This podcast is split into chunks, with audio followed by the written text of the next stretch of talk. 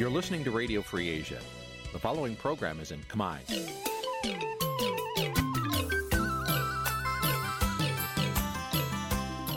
នេះជាកម្មវិធីផ្សាយ Vuthu Azizi Serai នេះជាកម្មវិធីផ្សាយរបស់ Vuthu Azizi Serai ជាភាសាខ្មែរ Vuthu Azizi Serai សូមស្វាគមន៍លោកអ្នកនាងទាំងអស់ពីរដ្ឋធានី Washington នៃសហរដ្ឋអាមេរិក ចាប់ពីរដ្ឋធានី Washington នាងខ្ញុំម៉ៅសុធានីសូមជម្រាបសួរលោកអ្នកស្ដាប់ទាំងអស់ជាទីមេត្រី ចាយើងខ្ញុំសូមជូនការផ្សាយសម្រាប់ព្រឹកថ្ងៃសៅរ៍9កើតខែស្រាប ឆ្នាំខាលចត្វាស័កពុទ្ធសករាជ2566ហើយដល់ត្រូវនឹងថ្ងៃទី6ខែសីហាគ្រិស្តសករាជ2022ជាដំបូងនេះសូមអញ្ជើញលោកអ្នកនាងកញ្ញាស្ដាប់ព័ត៌មានប្រចាំថ្ងៃដែលមានមេត្តាដូចតទៅ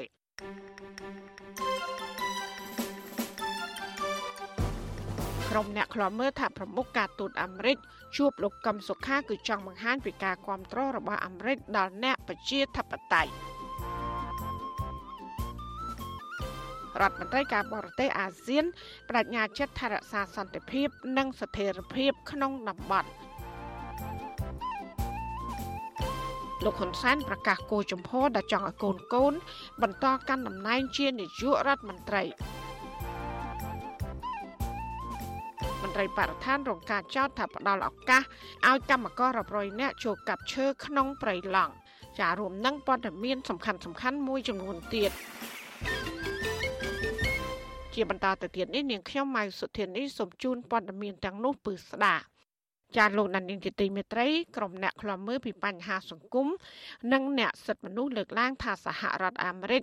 នៅតែគិតគូរអំពីដំណើរការប្រជាធិបតេយ្យនិងការគោរពសិទ្ធិមនុស្សនៅកម្ពុជា។ ការលើកឡើងនេះនៅក្រៅដែលរដ្ឋមន្ត្រីការបរទេសអាមេរិកជំរុញឲ្យលោកនាយករដ្ឋមន្ត្រីហ៊ុនសែនដោះលែងលោកកឹមសុខាប្រធានគណៈបកសង្គ្រោះជាតិកញ្ញាសេងធីរីនិងអ្នកទោសនយោបាយទាំងអស់ដែលកំពុងជាប់ឃុំជារដ្ឋមន្ត្រីការបរទេសអាមេរិកក៏បានទៅជួបសួរសុខទុក្ខលោកកឹមសុខាដែលកំពុងជាប់បណ្ដឹង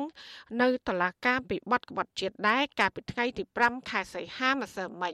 ពីរដ្ឋធានី Washington លោកទីនហ្សាការីយ៉ារីកាព័ត៌មាននេះ ក្រុមអ្នកតាមដានស្ថានភាពនយោបាយលើកឡើងថារដ្ឋមន្ត្រីការបរទេសអាមេរិកលោក Anthony Blinken បានទៅសួរសុខទុក្ខលោកកម្មសខាដល់ផ្ទះនេះជាការបង្ហាញឲ្យឃើញថាសារអាមេរិកនៅតែយកចិត្តទុកដាក់លើមេបកប្រឆាំងរូបនេះបញ្ហាសិទ្ធិមនុស្សនិងប្រជាធិបតេយ្យនៅកម្ពុជាអគ្គលេខាធិការសហព័ន្ធនិស្សិតបញ្ញវន្តកម្ពុជាលោកគិនពន្លកមានប្រសាសន៍ថាសារអាមេរិកមិនបោះបង់អ្នកប្រជាធិបតេយ្យដែលកំពុងតែជាប់ឃុំឃាំងនាពេលបច្ចុប្បន្ននេះទេលោកបញ្ជាក់ថារដ្ឋាភិបាលកម្ពុជា ក្នុងនាមជាប្រធានអាស៊ានផងនោះគួរតែពិចារណាអំពីបញ្ហានេះប្រសិនបើរដ្ឋាភិបាលពិតជាចង់ស្ដារទំនាក់ទំនងជាមួយសហរដ្ឋអាមេរិកមែននោះរដ្ឋាភិបាលនឹងពិចារណាទៅលើការដោះលែងប្រធានគណៈបកសង្គ្រោះជាតិគឺអាដាមកំសខាហើយនឹងសកម្មជននយោបាយសកម្មជនសិទ្ធិមនុស្សដែលកំពុងតែជាប់ឃុំឃាំងនៅក្នុងពន្ធនាគារជាជាមិនខាន ក៏ប៉ុន្តែប្រសិនបើសំណើរបស់រដ្ឋមន្ត្រីការបរទេសនៃសហរដ្ឋអាមេរិកដែលបញ្ជាក់អំពីជំហររបស់រដ្ឋាភិបាលសហរដ្ឋអាមេរិកបានមិនទទួលបានជោគជ័យអំពីសំណើសូមឲ្យមានការលើកលែងទោសខ្ញុំគិតថាតនកម្មតនកម្មសេដ្ឋកិច្ចនិងតនកម្មទៅលើ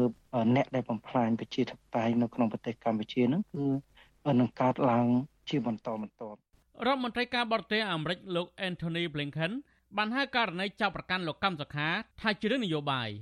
លោកសោកស្ដាយដល់សំណុំរឿងក្បត់ជាតិរបស់មេបកប្រឆាំងលោកកម្មសខានៅតែបន្តអស់បន្លាយរយៈពេល5ឆ្នាំហើយគ្មានដំណោះស្រាយនៅឡើយនោះរដ្ឋមន្ត្រីការបរទេសអាមេរិកលើកឡើងដូចនេះនៅក្នុងពេលលោកឆ្លៀតទៅសួរសុខទុក្ខលោកកម្មសខាប្រធានគណៈបកសង្គ្រោះជាតិកាលពីថ្ងៃទី5សីហាក្នុងពេលលោកកំពុងតែមានវត្តមាននៅកម្ពុជាដើម្បីចូលរួមក្នុងកិច្ចប្រជុំរដ្ឋមន្ត្រីការបរទេសអាស៊ានលើកទី55និងកិច្ចប្រជុំពាក់ព័ន្ធផ្សេងទៀត។ ទំព័រ Facebook ក្រសួងការបរទេសអាមេរិកបានសរសេរថាកម្ពុជានឹងទទួលបានអត្ថប្រយោជន៍ពីការអនុញ្ញាតឲ្យលោកកម្មសខាមានសិទ្ធិធ្វើនយោបាយឡើងវិញនិងការចូលរួមក្នុងដំណើរការប្រជាធិបតេយ្យនោះគិតមកទល់ពេលនេះលោកកម្មសខាបានបាត់បង់សិទ្ធិធ្វើនយោបាយជិត5ឆ្នាំហើយក្រោយពីរដ្ឋាភិបាលឯកបកលោកហ៊ុនសែនបានចាប់ប្រកាន់ថាមេបកប្រឆាំងរូបនេះខົບខិតជាមួយរដ្ឋបរទេសដើម្បីបដូររំលំរដ្ឋាភិបាលកាលពីឆ្នាំ2017ក្រោយពីលោករដ្ឋមន្ត្រីការបរទេសអាមេរិក បានជួបលោកកម្មសខាកាលពីថ្ងៃទី5សីហានោះលោកក៏បានលើកចំចំទៅលោកហ៊ុនសែនដោយទាមទារឲ្យផ្ដល់សិទ្ធិធ្វើនយោបាយជូនមេបកប្រឆាំងរូបនេះដោះលែងកញ្ញាសេនធូរី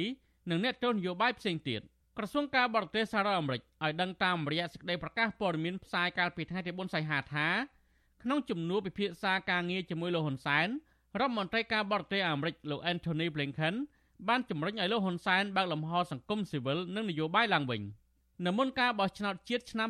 2023ខាងមុខមកដល់នឹងធ្វើឲ្យមានការវិវត្តនៃលទ្ធិប្រជាធិបតេយ្យការគោរពសិទ្ធិមនុស្សនៅកម្ពុជា ដោយធានាថាមេដឹកនាំបកប្រឆាំងលោកកម្មសខាអាចចូលរួមដោយសេរីនៅក្នុងដំណើរការនយោបាយនិងប្រជាធិបតេយ្យការលើកឡើងរបស់លោក Anthony Blinken នេះមិនត្រូវបានលោកហ៊ុនសែនយករឿងនេះមកទម្លាយឲ្យសាធារណជនបានដឹងនៅលើទំព័រ Facebook របស់លោកឡើយទាក់ទងនឹងបញ្ហានេះអ្នកនាំពាក្យសមាគមអាត60 លោកសឹងសានករណាមានប្រសាសន៍ថាសារ៉ាអាមេរិកកំពុងតែចង់បង្ហាញអំពីដំណោះស្រាយនៃវិបត្តិនយោបាយនៅកម្ពុជាលោកបន្ថែមថារដ្ឋាភិបាល គួរតែពិចារណាអំពីបញ្ហានេះដើម្បីផលប្រយោជន៍ជាតិលោក Anthony Blinken ដែលចង់ឲ្យកម្ពុជា មានភាពល្អប្រសើរផ្នែកសិទ្ធិមនុស្សនិងស្ថានភាពនយោបាយវិជាធិបតេយ្យអីនេះវាជារឿងមួយដ៏ត្រឹមត្រូវណាស់ហើយយើងក៏សង្ឃឹមថា រដ្ឋាភិបាលកម្ពុជានឹងធ្វើការកែលម្អស្ថានភាពនឹងឲ្យវាមានភាពប្រសើរឡើងដើម្បីជាការតម្កល់នៅផលប្រយោជន៍របស់ប្រទេសជាតិដែលកំពុងតែរងការធ្លាក់ចុះនៅវិបត្តិនយោបាយហើយសេដ្ឋកិច្ចសង្គមអីទាំងអស់ហ្នឹងដោយសារតែបណ្ដាប្រទេសលោកសេរីដែលកន្លងមកធ្លាប់មានការ ដាក់សម្ពាធដោយ ការដកនៅប្រព័ន្ធអនុគ្រោះពន្ធដូចជា EBA GSP ជាដើមរីឯអ្នកសិក្សាផ្នែកច្បាប់លោកប៊ុនច័ន្ទលូតអះអាងថាការដោះស្រាយបញ្ហានយោបាយនៅពេលនេះភាគីអន្តរជាតិគ្រាន់តែជាភាគីបន្ទាប់បន្សំទេ បញ្ហាសំខាន់គឺស្ថិតនៅលើភាគីពាក់ព័ន្ធរបស់កម្ពុជាខ្លួនឯងដែលអាចដោះស្រាយវិបត្តិនយោបាយសពថ្ងៃនេះបានការដោះលែងការផ្ដល់សេរីភាពឲ្យបានពេញលេញមកកាន់លោកកឹមសុខាវិញ ឬក៏ការបន្តនៅនីតិវិធីក្នុងទម្រង់របស់តឡាការដូចសពថ្ងៃនេះ គឺអាស្រ័យទៅលើផលចំណេញទៅកាន់គណៈបព្វជិជនបើសិនជាគណៈបព្វជិជនមើលឃើញថាការចរចាឲ្យមានការដោះលែងក៏ដូចជាផ្ដល់សេរីភាពពេញលេញមកកាន់លោកកឹមសុខាគណៈបព្វជិជនអាចចំណេញអំពីការធ្វើបែបនេះបាននោះគណៈបព្វជិជននឹងធ្វើហើយ ក្រុមនៃវិភាគលើកឡើងថាលោកនាយរដ្ឋមន្ត្រីហ៊ុនសែនគួរតែអនុវត្តនូវគោលនយោបាយការបរទេសដោយអព្យាក្រឹតមិនត្រូវងាករេទៅចិនខ្លាំងពេកទេ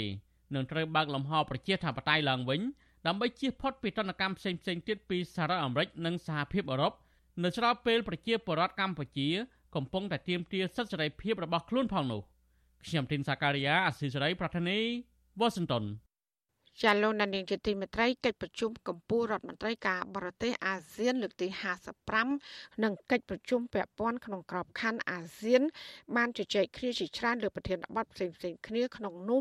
រួមមានបញ្ហាវិបត្តិនៅភូមាបញ្ហាតៃវ៉ាន់សង្គ្រាមរុស្ស៊ីអ៊ុយក្រែននិងផលប៉ះពាល់នានាដោយសារទណ្ឌកម្មប្រឆាំងនឹងរុស្ស៊ីជាដើម កិច្ចប្រជុំកម្ពុជាលើកនេះមានប្រទេសសមាជិកអាស៊ាន និងប្រទេសដៃគូចំនួន27ប្រទេសចូលរួមក្នុងនោះរួមមានទាំងរដ្ឋមន្ត្រីការបរទេសសហរដ្ឋអាមេរិកជប៉ុនចិននិងរុស្ស៊ីជាដើម សេចក្តីប្រកាសព័ត៌មានរបស់ក្រសួងការបរទេសកាលពីថ្ងៃទី5ខែសីហាឲ្យដឹងថាកិច្ចប្រជុំរវាងអាស៊ាននិងសហភាពអឺរ៉ុបបានពិភាក្សាអំពីមធ្យោបាយនានាដើម្បីលើកកម្ពស់ការយោគយល់គ្នាទៅវិញទៅមកនិងជំរុញបន្ថែម នៅវិស័យពាណិជ្ជកម្មការវិនិយោគព្រមទាំងការបដិញ្ញាចិត្តរបស់អាស៊ាន ក្នុងការដោះស្រាយបញ្ហាប្រឈមរួមនិងការកសាងសហគមន៍អាស៊ាន ដោយឈលលើស្មារតីរួបរวมគ្នាដ៏រឹងមាំ រដ្ឋាភិបាលកម្ពុជាដែលជាប្រធានអាស៊ានបដូវវេនបានធ្វើជាម្ចាស់ផ្ទះរៀបចំកិច្ចប្រជុំរដ្ឋមន្ត្រីការបរទេសអាស៊ានលើកទី55និងកិច្ចប្រជុំពាក់ព័ន្ធក្នុងក្របខ័ណ្ឌអាស៊ាន ចាប់តាំងពីថ្ងៃទី29ខែកក្កដាដល់ថ្ងៃទី5ខែសីហានៅរាជធានីភ្នំពេញនឹងមានជំនួបដាច់ដライទ្វេភាគីជាមួយរដ្ឋមន្ត្រីការបរទេសមួយចំនួនរួមមានរដ្ឋមន្ត្រីការបរទេសអាមេរិកចិនរុស្ស៊ីអូស្ត្រាលីជាដើម ក្នុងជំនួបទ្វេភាគីជាមួយរដ្ឋមន្ត្រីការបរទេសលោកប្រាក់សុខុនរដ្ឋមន្ត្រីការបរទេសអាមេរិកលោក Anthony Blinken ក៏បានបញ្ជាក់ថាសហរដ្ឋអាមេរិកនឹងរក្សាទំនាក់ទំនងជាវិជ្ជមាន ជាមួយកម្ពុជាដោយផ្អែកលើកិច្ចសហប្រតិបត្តិការដែលមានស្រាប់ជាពិសេសលើទីផ្សារនាំចេញ និងជំនួយអភិវឌ្ឍផ្សេងផ្សេងទៀត។ តកតងនឹងវិបត្តិនៅភូមាវិញរដ្ឋមន្ត្រីការបរទេសអាស៊ានខកចិត្តយ៉ាងខ្លាំងចំពោះវឌ្ឍនភាពដែលមានកម្រិត និងកង្វះការបដិញ្ញាចិត្តរបស់មេដឹកនាំរដ្ឋបហាយោធាមីយ៉ាន់ម៉ាឬភូមា ក្នុងការអនុវត្តគោលការណ៍5ចំណុចរបស់អាស៊ានសេចក្តីថ្លែងការណ៍រួមចេញផ្សាយកាលពីថ្ងៃទី5ខែសីហារដ្ឋមន្ត្រីការបរទេសអាស៊ាន បដិញ្ញាចិត្តជាថ្មីក្នុងការដោះស្រាយបញ្ហាប្រឈមរួម ការថែរក្សាសន្តិភាព និងស្ថិរភាពក្នុងតំបន់ព្រមទាំងជំរុញកិច្ចខំប្រឹងប្រែងកសាងសហគមន៍អាស៊ាន ដោយឈលលើស្មារតីរួបរวมគ្នាបន្ថែមពីនេះសមាគមអាស៊ានក៏បានត្រៀមខ្លួនជាស្រេចដើម្បីជួយមីយ៉ាន់ម៉ាឲ្យវិលទៅរកភាពប្រក្រតីឡើងវិញ ប្រកបដោយភាពវិជ្ជមាន សន្តិភាព រួមទាំងការផ្ដល់ជំនួយមនុស្សធម៌ផងដែរ។ សេចក្តីថ្លែងការណ៍ដដែលមិនបានលើកឡើងពីបញ្ហានៅសមុទ្រចិនខាងត្បូងទេក៏ប៉ុន្តែពាក់ព័ន្ធចំនួនរុស្ស៊ីអ៊ុយក្រែនវិញរដ្ឋមន្ត្រីការបរទេសអាស៊ាន បានអំពាវនាវសារជាថ្មីឲ្យមានការគោរពអធិបតេយ្យភាពឯករាជ្យភាពនិងបូរណភាពទឹកដីដោយអនុលោមទៅតាមច្បាប់អន្តរជាតិនិងធម្មនុញ្ញអង្គការសហប្រជាជាតិ ចំណែកបញ្ហាតានតឹងនៅច្រកសមុទ្រតៃវ៉ាន់អាស៊ានក៏បានពៀមនាវឲ្យមានការអត់ធ្មត់ជាអតិបរមាដោយបារម្ភថាស្ថានភាពនេះអាចបង្កឲ្យមានអស្ថិរភាពដល់តំបន់ហើយអាចនឹងនាំឲ្យមានការប្រឈមដាក់គ្នាធ្ងន់ធ្ងរនិងចំនួនដោយចំហ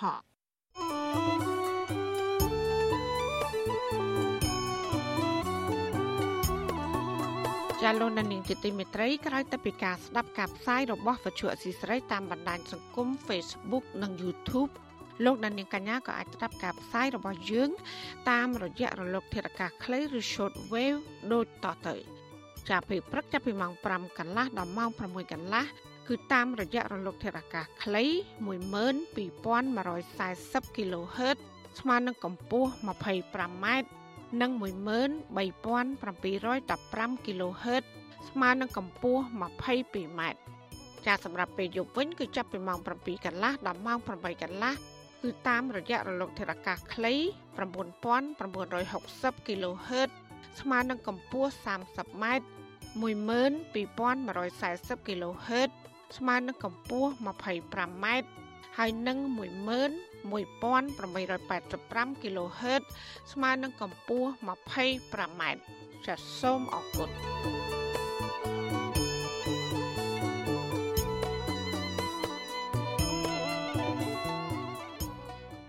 ចាលោកដានីលជាទីមេត្រីលោកហ៊ុនសែនប្រកាសគោជំហរជាសាធារណៈអំពីការជំរុញកូនចៅរបស់លោកឲ្យចូលប្រឡូកក្នុងឆាកនយោបាយដើម្បីបន្តកាន់តំណែងជានាយករដ្ឋមន្ត្រីតវងត្រកូល ក្រុមអ្នកវិភាគនិងយុវជនមើលឃើញថាការប្រកាសបែបនេះគឺមានបំណងចង់ឲ្យកូនចៅរបស់លោក បន្តតំណែងជានាយករដ្ឋមន្ត្រីដើម្បីថែរក្សាអំណាច និងទ្រព្យសម្បត្តិគ្រួសារត្រកូលហ៊ុនពួកគេថាការធ្វើបែបនេះនឹងប៉ះពាល់ដល់ប្រយោជន៍ជាតិដោយសារអំពើពុករលួយរបស់ត្រកូលគ្រួសារមួយនេះចាលោកលេងម៉ាលីមានសេចក្តីរាយការណ៍ព័ត៌មាននេះដូចតទៅថ្លែងក្នុងវេទិកាទទួលសញ្ញាបត្របណ្ឌិតកិត្តិយស ផ្នែកអភិវឌ្ឍពីសាកលវិទ្យាល័យភូមិន្ទភ្នំពេញនៅថ្ងៃទី5ខែសីហាលោកហ៊ុនសែនបានលើកឡើងថាកន្លងមកលោកមិនចង់ឲ្យកូនចៅរបស់លោកចូលពាក់ព័ន្ធក្នុងរឿងនយោបាយនោះទេគឺត្រឹមឲ្យចូលបម្រើការងារក្នុងជួរកងទ័ពតែប៉ុណ្ណោះប៉ុន្តែពេលនេះលោកសម្រេចចិត្តជំរុញកូនចៅរបស់លោកឲ្យចូលប្រឡូកក្នុងឆាកនយោបាយរាប់ចាប់តាំងពីចៅប្រុសរបស់លោកដែលទើបបញ្ចប់ឆ្នាំទី1នៅក្នុងថ្នាក់សាកលវិទ្យាល័យ។ លោកមានបំណងចង់ផ្ទេរតំណែងនាយករដ្ឋមន្ត្រីពីកូនរហូតដល់ចៅរបស់លោកខ្ញុំតែងបដៅកូនខ្ញុំឲ្យចូលកុំឲ្យពាក់ព័ន្ធនឹងនយោបាយសុខចិត្តធ្វើរៀនប៉ុន្តែឥឡូវនេះវាហួសពេលហើយខ្ញុំនឹងអំពាវនាវនឹងជំរុញកូនខ្ញុំចៅខ្ញុំឲ្យចូលប្រឡូកក្នុងនយោបាយទាំងអស់យុវជននិងក្រុមអ្នកវិភាគលើកឡើងថាការប្រកាសរបស់លោកហ៊ុនសែនមានចេតនាឲ្យកូនចៅបន្តតំណែងនាយករដ្ឋមន្ត្រីបន្តចំនួននោះ វាជាការប៉ះពាល់ធំធេងដល់ប្រទេសជាតិយុវជននិងជាសកម្មជនចលនាមេដាធម្មជាតិលោកលីចន្ទរាវុធយល់ឃើញថាថ្មីត្បិតការគ្រប់គ្រងឲ្យកូនក្លាយជានាយករដ្ឋមន្ត្រីក្នុងនាមជាឪពុកម្នាក់មើលទៅហាក់មិនមានការទាស់ខុសក៏ប៉ុន្តែលោកនៅតែយល់ឃើញថាលោកហ៊ុនសែនមិនគួរប្រកាសបែបនេះនៅក្នុងវេទិកាសាធារណៈនៅឡើយលោកបន្តថាជំនួសឲ្យការប្រកាសបែបនេះលោកនាយករដ្ឋមន្ត្រីហ៊ុនសែនគួរតែងាកទៅចាប់ផ្ដើមធ្វើកំណែទម្រង់នៅក្នុងប្រព័ន្ធបោះឆ្នោត ដើម្បីជំរុញឲ្យមានការជ្រើសរើសមេដឹកនាំដោយស្មើភាព និងជាការពង្រឹងលទ្ធិប្រជាធិបតេយ្យនៅក្នុងប្រទេសផងដែរលោកបន្ថែមថាការប្រកាសនេះអាចនឹងមានឥទ្ធិពលទៅលើការសម្រេចណាមួយរបស់សភា ស្របពេលកម្ពុជាបានធ្វើវិសោធនកម្មរដ្ឋធម្មនុញ្ញដែលចង់សម្ដៅដល់ការផ្ទេរអំណាចជានាយករដ្ឋមន្ត្រីពីឪពុកទៅកូន។ ការដែលគាត់ប្រកាសគ្រប់គ្រងកូនគាត់នឹងវានឹងធ្វើឲ្យមានអត្តពលទៅក្នុងផ្ទៃក្នុងបកគាត់ផងទៅក្នុងសភាផងដោយសារតែនៅក្នុងប្រទេសយើងអំណាចហ្នឹងបែងចែកមិនដាច់ពីគ្នាតាមខ្ញុំមើលឃើញណានាយករដ្ឋមន្ត្រីដូចជាមានអំណាចខ្លាំងទៅលើរដ្ឋសភាហើយដែលនាយករដ្ឋមន្ត្រីនិយាយគឺមិនយូរមិនឆាប់គឺរដ្ឋសភារដ្ឋសភាអីហ្នឹងគឺគេនឹងអនុម័តអីនៅក្នុងពិធីទទួលសញ្ញាបត្រជាមួយនឹងឯកសណ្ឋានបណ្ឌិតលោកហ៊ុនសែនក៏បានលើកឡើងថាការធ្វើវិសោធនកម្មរដ្ឋធម្មនុញ្ញលើកទី10នៅពេលនេះ ពុំបានធ្វើឲ្យបាត់បង់តួនាទីនិងអំណាចរបស់សភានោះទេ លោកការពារថារាជរដ្ឋាភិបាលស្នើធ្វើវិសោធនកម្មរដ្ឋធម្មនុញ្ញគឺដើម្បីបំពេញចន្លោះខ្វះខាតក្នុងលក្ខខណ្ឌនាយករដ្ឋមន្ត្រីស្លាប់ឬលាលែងចេញពីតំណែងមិនមែនជាការរៀបចំឲ្យកូនរបស់លោកបន្តវេនគ្រប់គ្រងអំណាចនោះទេ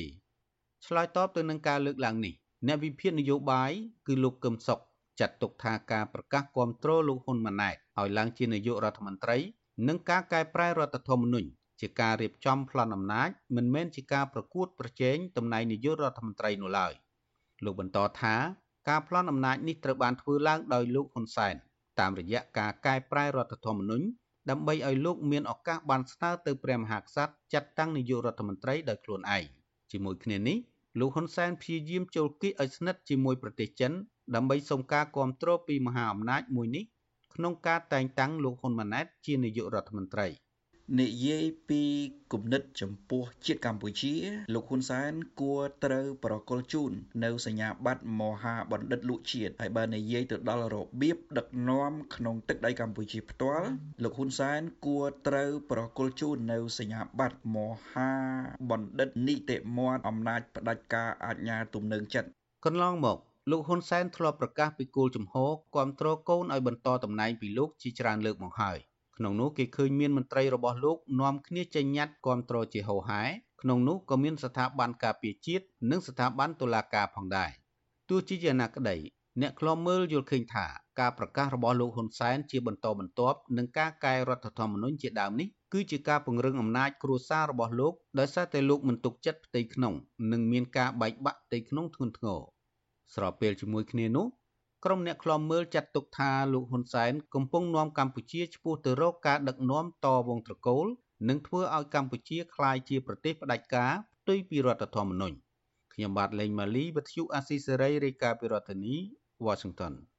ចាលោកនាយកជាទីមេត្រីពាក់ព័ន្ធនឹងសក្តិព្រៀងច្បាប់វិសតនកម្មរដ្ឋធម្មនុញ្ញលើកទី10ព្រឹទ្ធសភាឯកបៈបានបោះឆ្នោតអនុម័តទាំងស្រុងកាលពីថ្ងៃទី5ខែសីហាដោយគ្មានការកែប្រែអ្វីឡើយក្រោយដែលសក្តិព្រៀងច្បាប់នេះរដ្ឋសភាបានអនុម័តរួចហើយគណៈបញ្ញយោបាយអង្គការសង្គមស៊ីវិលនិងសាធារណជន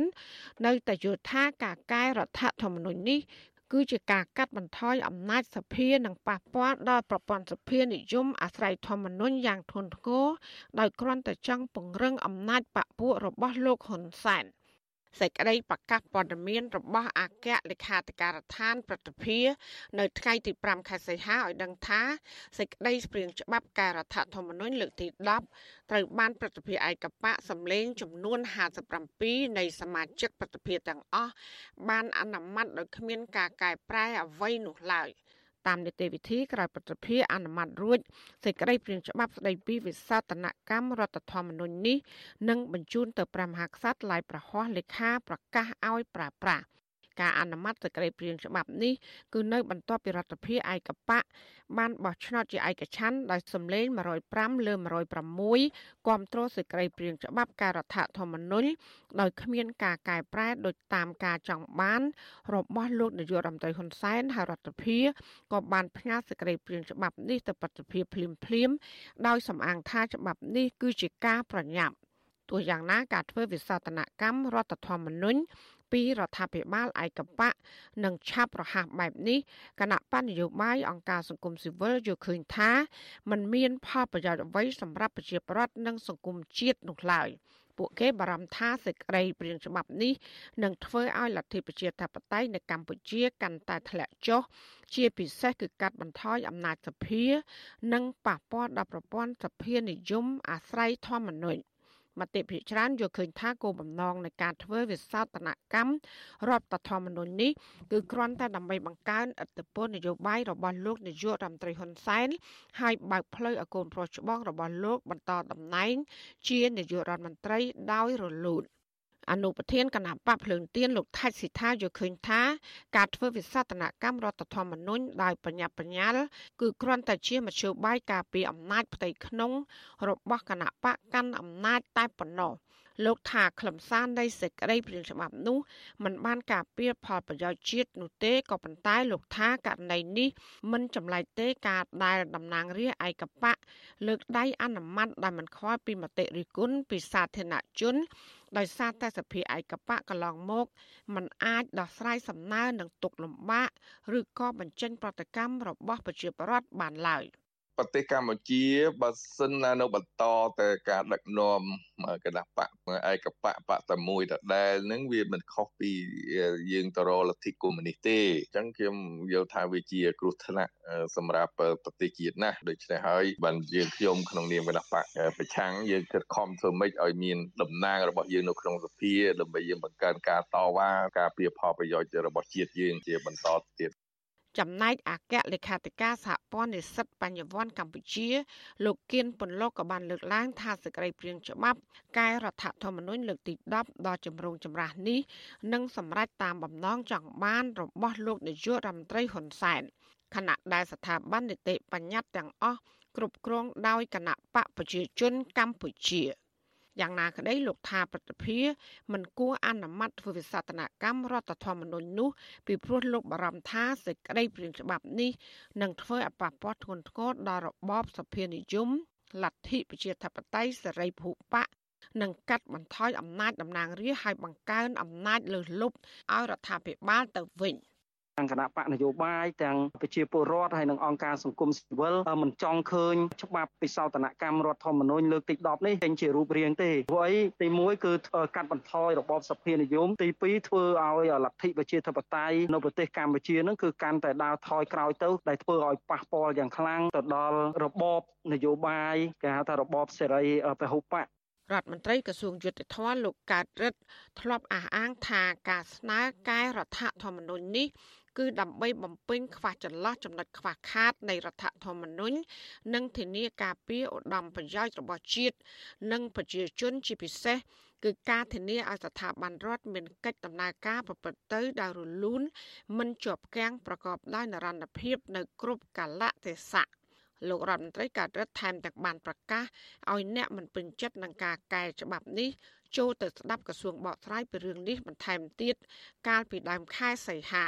ប៉ុន្តែសម្រាប់គណៈបកនយោបាយនិងអង្គការសង្គមស៊ីវិលព្រមទាំងសាធារណជនទូទៅចាត់ទុកទង្វើរបស់ក្រសួងយុតិធធថាពុំបានបង្ហាញពីនីតិវិធីត្រឹមត្រូវ ក្នុងការតាក់តែងច្បាប់នោះឡើយព្រោះការប្រមូលមតិនានាគួរធ្វើឡើង នៅមុនច្បាប់អនុម័តមិនមែនច្បាប់អនុម័តហើយទើបបើកឲ្យអ្នកមានមតិមិនស្របទៅជួបបែបនេះឡើយ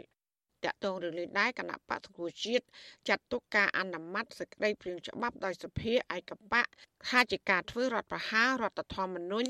ដើម្បីបំពេញមហិច្ឆតាផ្ទៃអំណាចនាយករដ្ឋមន្ត្រីរបស់លោកហ៊ុនសែន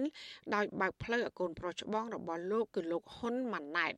ជាមួយគ្នានេះគណៈបកសង្គ្រោះជាតិក៏បានទូលថ្វាយសុំទៅព្រះមហាក្សត្រប្របាទនរោត្តមសីហមុនីសូមកុំឲ្យទ្រង់ឡាយប្រហ័សលេខាលើច្បាប់កែរដ្ឋធម្មនុញ្ញនេះពីព្រោះការកែច្បាប់នេះគ្រាន់តែជាខែលដើម្បីការពារអំណាចគ្រួសាររបស់លោកហ៊ុនសែនដែលធ្វើឲ្យប៉ះពាល់ធ្ងន់ធ្ងរដល់ឯកភាពជាតិនិងនរណភាពជាតិ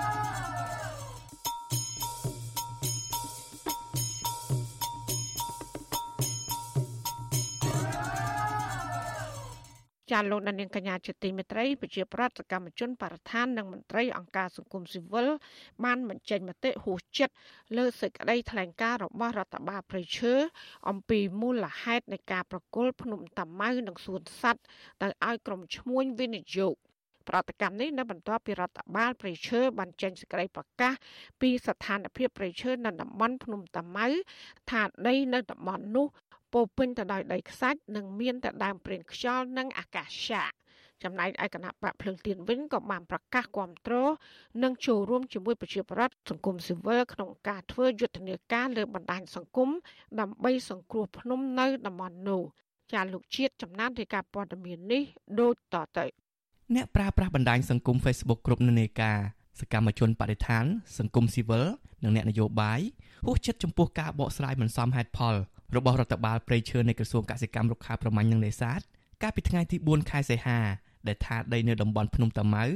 ពោពេញដោយដីខ្សាច់មានតែដើមអាកាសយ៉ាប្រេងខ្យល់ហើយមានតែជ្រូកព្រៃបំផ្លាញដំណាំរបស់ប្រជាពលរដ្ឋម្ចាស់គណនី Facebook ឈ្មោះនេះណាបានសរសេរនៅលើ Facebook ផ្ទាល់ខ្លួនថាមន្ត្រីរដ្ឋបាលព្រៃឈើដែលថ្លែងថាតំបន់ភ្នំតាម៉ៅ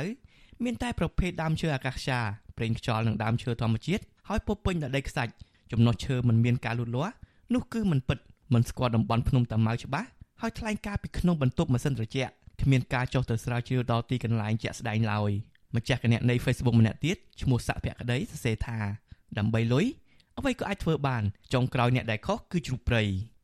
ជាមួយគ្នានេះសកម្មជនបរិស្ថានកញ្ញាលងគុន្ធាសរសេរនៅលើ Facebook ថាម្សិលមិញតាមសារព័ត៌មានថាមានការដឹកឈើប្រភេទល្អល្អមានធ្នង់ជាដើមចេញពីព្រៃភ្នំតាម៉ៅខាងអាជ្ញាធរថាយកទៅលក់ដល់ថ្ងៃនេះមានអាកាសឆា ប្រេងខ្យល់និងព្រៃធម្មជាតិជាតំបន់មិនសូវលូតលាស់វិញចំណែកម្ចាស់គណនី Facebook ឈ្មោះសីហាយ៉ូបានបញ្ចេញយោបល់ក្នុងเพจរដ្ឋបាលព្រៃឈើផ្ទាល់តែម្ដងថាលេសដើម្បីលានដុល្លារសុកចិត្តក្បត់ឧត្តមកតិខ្លួនឯងគណនី Facebook មួយទៀតឈ្មោះកនិកាស័កបញ្ចេញយោបល់ថាពួកយើងខ្ញុំជាប្រជាពលរដ្ឋមិនត្រូវការការអភិវឌ្ឍបែបបំផ្លិចបំផ្លាញព្រៃឈើនិងធ្វើឲ្យប៉ះពាល់ប្រយោជន៍មនុស្សនិងសត្វអញ្ចឹងទេតើកម្ពុជាអស់កន្លែងត្រូវអភិវឌ្ឍហើយឬ តកតទៅនឹងការលើកឡើងថាព្រៃតំបន់ភ្នំតាម៉ៅគ្មានសត្វព្រៃកម្រចិត្តផុតពូជអ្នកគ្រប់គ្រងសង្គ្រោះនិងថែរក្សាសត្វព្រៃនៃអង្គការសម្ព័ន្ធសត្វព្រៃលោកនិចម៉ាក់បានប្រាប់វិសុអស៊ីសេរីថាអង្គការលោកធ្លាប់ថតបានសត្វព្រៃជាច្រើននៅក្នុងតំបន់នោះរួមមានដូចជាឆ្លុះឆ្មាដាវស្វាព្រាមតូចនិងប្រើសស្បូវដែលត្រូវបានអង្គការសហព័ន្ធអន្តរជាតិសម្រាប់ការអភិវឌ្ឍធម្មជាតិចុះក្នុងបញ្ជីជាសត្វព្រៃចិត្តផុតពូជ លោកថាអង្គការសម្ព័ន្ធសត្វព្រៃបានដោះលែងសត្វព្រៃនិងបក្សីដែលបានពីការសង្គ្រោះទៅក្នុងព្រៃតំបន់ភ្នំតាម៉ៅជាច្រើនតាំងពីឆ្នាំ2002មកម្លេះយើងបានដោះលែងសត្វច្រើនក្នុងព្រៃភ្នំតាម៉ៅសត្វប្រះសត្វឆ្លុះសត្វរមៀងឆ្មាដាវឆ្កែជជសំភុយសត្វស្លាបច្រើនខ្ញុំបានដោះលែងសត្វច្រើនជាមួយគ្នានេះលោកនិចម៉ាក់ដែលធ្លាប់ទទួលបានមេដាយកិត្តិយសថ្នាក់មហាមេត្រីពីព្រះមហាក្សត្រខ្មែរក្នុងឆ្នាំ2014លើកឡើងថា ចាប់តាំងពីឆ្នាំ2002មកលោកនិងអង្គការសម្ព័ន្ធសត្វព្រៃបានបរិច្ចាគថវិកាជិត10លានដុល្លារដើម្បីថែរក្សាសត្វព្រៃសាងសង់របងសត្វផ្ដល់ប្រាក់ខែដល់ពេទ្យនិងអ្នកមើលថែសត្វនិងឧបត្ថម្ភដល់រដ្ឋបាលព្រៃដើម្បីចុះល្បាតការពារសត្វព្រៃនៅតំបន់នោះវិទ្យុអស៊ីសេរីមិនអាចតាក់ទងរដ្ឋបាលព្រៃឈើនៃក្រសួងកសិកម្មដើម្បីសូមអត្ថាធិប្បាយជុំវិញរឿងនេះបានទេនៅថ្ងៃទី5ខែសីហា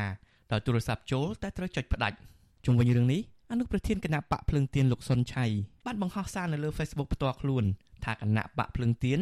ស្នើឲ្យរាជរដ្ឋាភិបាលបច្ចុប្បន្នបញ្ឈប់ជាបន្ទាន់នូវការឈូសឆាយព្រៃក្នុងតំបន់ឧទ្យានសត្វព្រៃភ្នំតាម៉ៅដែលជាមជ្ឈមណ្ឌលសង្គ្រោះសត្វព្រៃ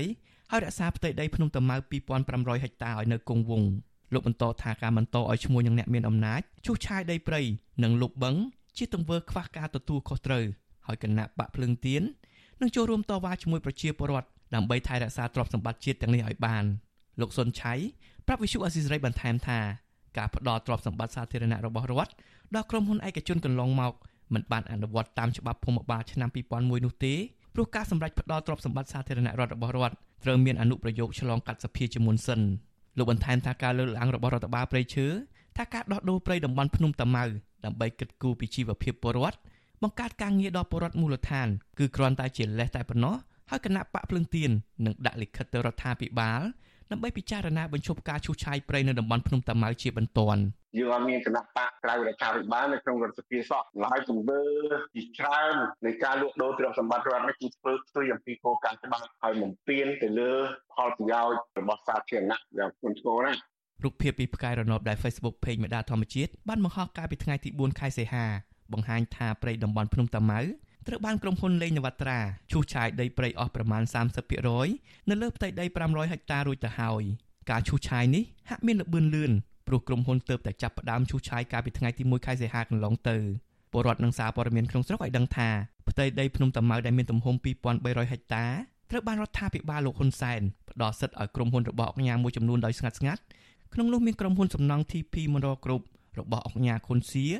ក្រុមហ៊ុនអចរណៈទ្របលេងនវត្រារបស់អង្គការលេងនវត្រានិងក្រុមហ៊ុនជីបម៉ុងប្រតិកម្មនឹងការឈូសឆាយដីព្រៃភ្នំតាម៉ៅនេះសាធារណជនកំពុងថ្កោលទោសនិងធ្វើយុទ្ធនាការលើបណ្ដាញសង្គមដើម្បីប្រឆាំងគម្រោងឈូសឆាយភ្នំតាម៉ៅដោយពហិការឈប់ប្រើនិងគ្រប់គ្រងរាល់ផលិតផល និងសេវារបស់ក្រុមហ៊ុនលេងនវត្រានិងក្រុមហ៊ុនខុនសៀខ្ញុំបាទជាចំណាន Visual Assisray ពីរដ្ឋធានី Washington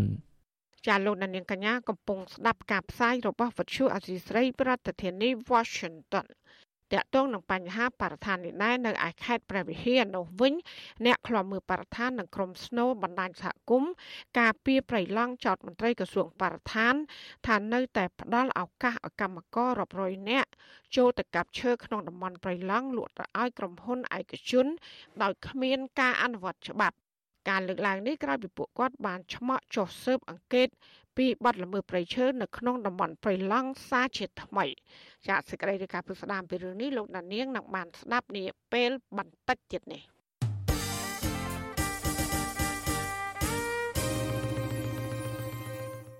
ចាលោកដានៀងជាទីមេត្រីសមត្ថកិច្ចនៅឯខេត្តបរសៃហនុអះអាងថាខ្មាន់កំភ្លើងជនជាតិចិន ដែលបានបាញ់សម្លាប់ជនជាតិចិនដូចគ្នាស្ថិតនៅអាគារបនលបែងកាស៊ីណូនោះត្រូវបានបញ្ជូនទៅតុលាការរួចរាល់អស់ហើយមន្ត្រីសង្គមស៊ីវិលជំរុញដល់អាជ្ញាធរឲ្យពន្លឿននីតិវិធីដើម្បីស៊ើបអង្កេតរកអ្នកពាក់ព័ន្ធនិងអ្នកដែលលក់កំភ្លើងទៅឲ្យជនជាតិចិន ប្រើប្រាស់សម្រាប់មនុស្សតាមទំនឹងចិត្តចាលោកថាថៃរាយការណ៍ព័ត៌មាននេះ ស្នងការនគរបាលខេត្តព្រះសីហនុលោកជូណារិនឲ្យបញ្ជូអាស៊ីសេរីដឹងនៅថ្ងៃទី5សីហាថាមកដល់ពេលនេះសមត្ថកិច្ចបានឃាត់ខ្លួនអ ுக ្រិតជនជនជាតិចិនចំនួន4នាក់ដែលជាជនសង្ស័យពាក់ព័ន្ធនឹងការបាញ់សម្លាប់ជនជាតិចិន2នាក់លោកអះអាងទៀតថាជនជាតិចិនទាំង4នាក់នោះមានម្នាក់ឈ្មោះហ្វេងយៀងហ្វីបានសារភាពថាខ្លួនពិតជាបានបាញ់សម្លាប់ជនជាតិចិនទាំងពីរនាក់និងជនជាតិចិនម្នាក់ទៀតបណ្ដាលឲ្យរងរបួសធ្ងន់ដោយសារតែរឿងជំពាក់ប្រាក់និងមានទំនាស់ផ្នែកអាជីវកម្ម លោកជុនរិនបន្ថែមថាជនជាតិចិនទាំង4នាក់និងសម្ភារៈវត្ថុតាំងដែលមានកំភ្លើងចំនួន5ដើមសមត្ថកិច្ចបានរៀបចំកសាងសំណុំរឿងបញ្ជូនទៅតុលាការរួចរាល់ហើយលោកអះអាងទៀតថាករណីឃាតកម្មលើជនជាតិចិននេះសមត្ថកិច្ចក៏កំពុងបន្តនៅនីតិវិធីតាមចាប់ខ្លួនក្រុមជនល្មើសដែលមានជាប់ពាក់ព័ន្ធមួយចំនួនទៀតដែលកំពុងរត់គេចខ្លួន។ គឺយើងមិនដកដៃទេចំពោះអាវុធដែលយើងមានសកម្មភាពដែលធ្វើសកម្មភាពក៏យើងដកបានក៏យើងស្រាវជ្រាវរកប្រភពបន្តបន្តមិនណែទុកចោលព្រោះនេះនៅក្នុងករណីស៊ើបអង្កេតស្រាវជ្រាវបន្តទៀតរបស់នគរបាលជំនាញហើយយើងមិនអាចដែលលាតត្រដាងបានទេព្រោះនៅសល់ច្រើនហើយយើងកំពុងធ្វើក្នុងដៃសមាជិកដែលយើងកំពុងតាមតនដកថយទេបាទកាលពីយប់ថ្ងៃទី30កក្កដាមានជនជាតិចិនមួយក្រុមមានគ្នាជាង10នាក់បានដកកំភ្លើងបាញ់សម្លាប់ជនជាតិចិនដូចគ្នាបណ្ដាលឲ្យជនជាតិចិន2នាក់បានស្លាប់ភ្លាមៗនៅក្នុងថ្លុកឈាមនិងជនជាតិចិនម្នាក់ទៀតបានរងរបួសធ្ងន់ស្ថិតនៅទីតាំងអគារបនលបែងកាស៊ីណូតុងហ្វាងប៉ាឡេរីនក្នុងខេត្តព្រះសីហនុទោះជាយ៉ាងណាលោកជុនរិនមិនទាន់បញ្ជាក់ថាអាគារបនលបែងកាស៊ីណូតុងហ្វាងប៉ាឡេរីននឹងផ្អាកអាជីវកម្មឬឲ្យដំណើរការបន្តនោះទេ ក្រោយមានហេតុការផ្ទុះអាវុធនេះរដ្ឋបាលខេត្តប្រសែននោះបានឲ្យដឹងតាមរយៈទំព័រ Facebook ផ្លូវការរបស់ខ្លួនថា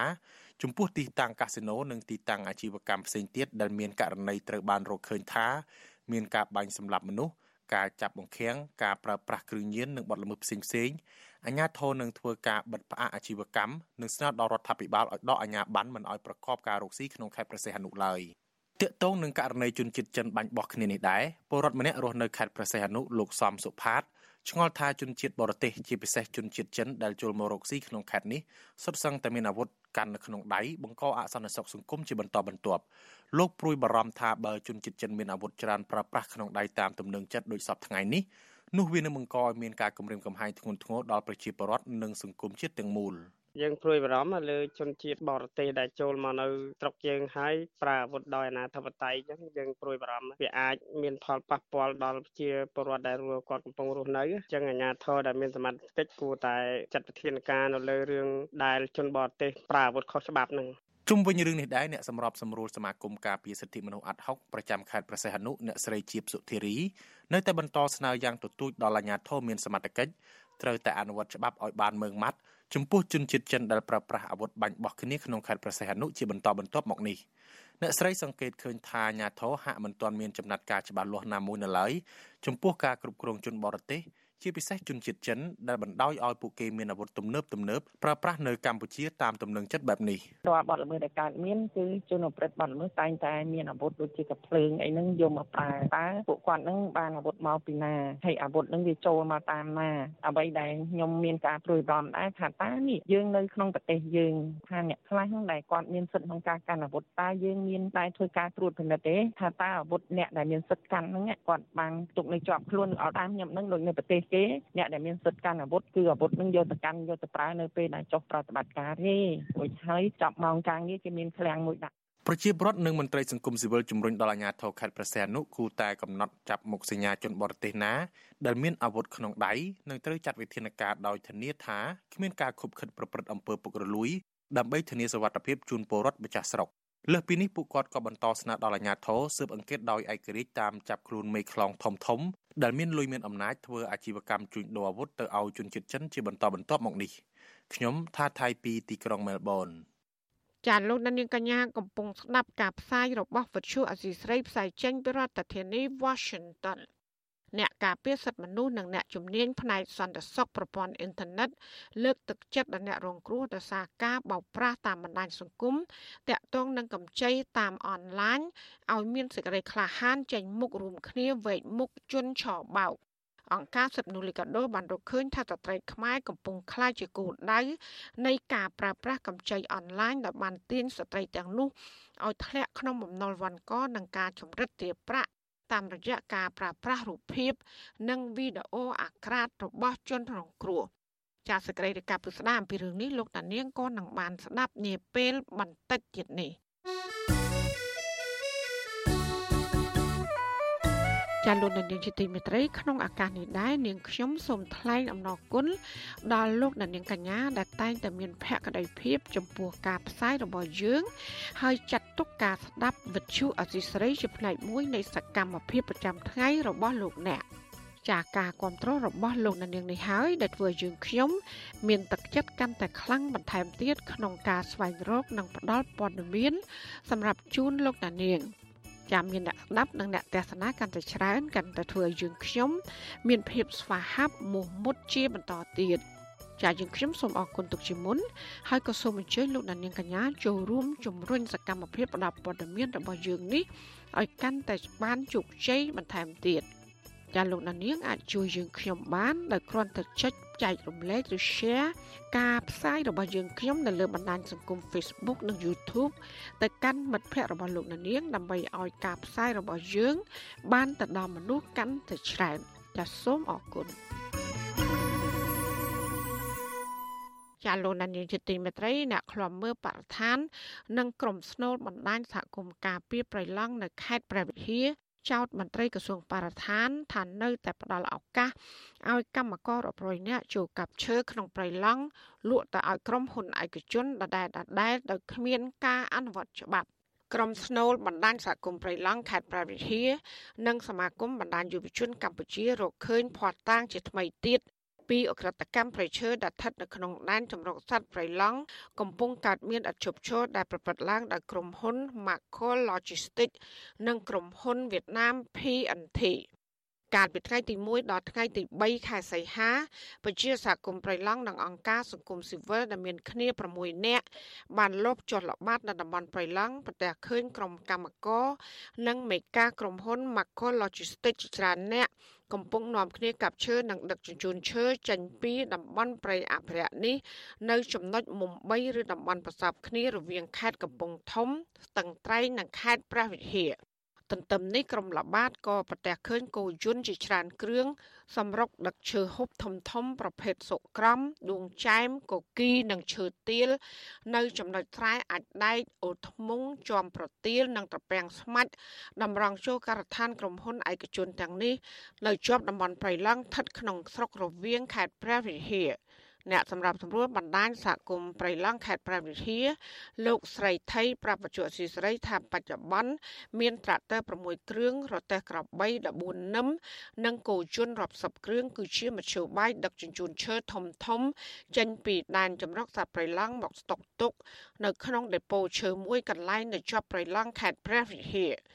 លោកថាបាត់ល្មើសប្រៃឈើទាំងនេះ កើតមានឡើងច្រើនជាបន្តបន្ទាប់ជាង7ខែមកហើយហើយពួកលោកបានរាយការណ៍ទៅមន្ត្រីបរិស្ថានជាច្រើនលើកក៏ប៉ុន្តែគ្មានបានផលដែរផ្ទុយទៅវិញ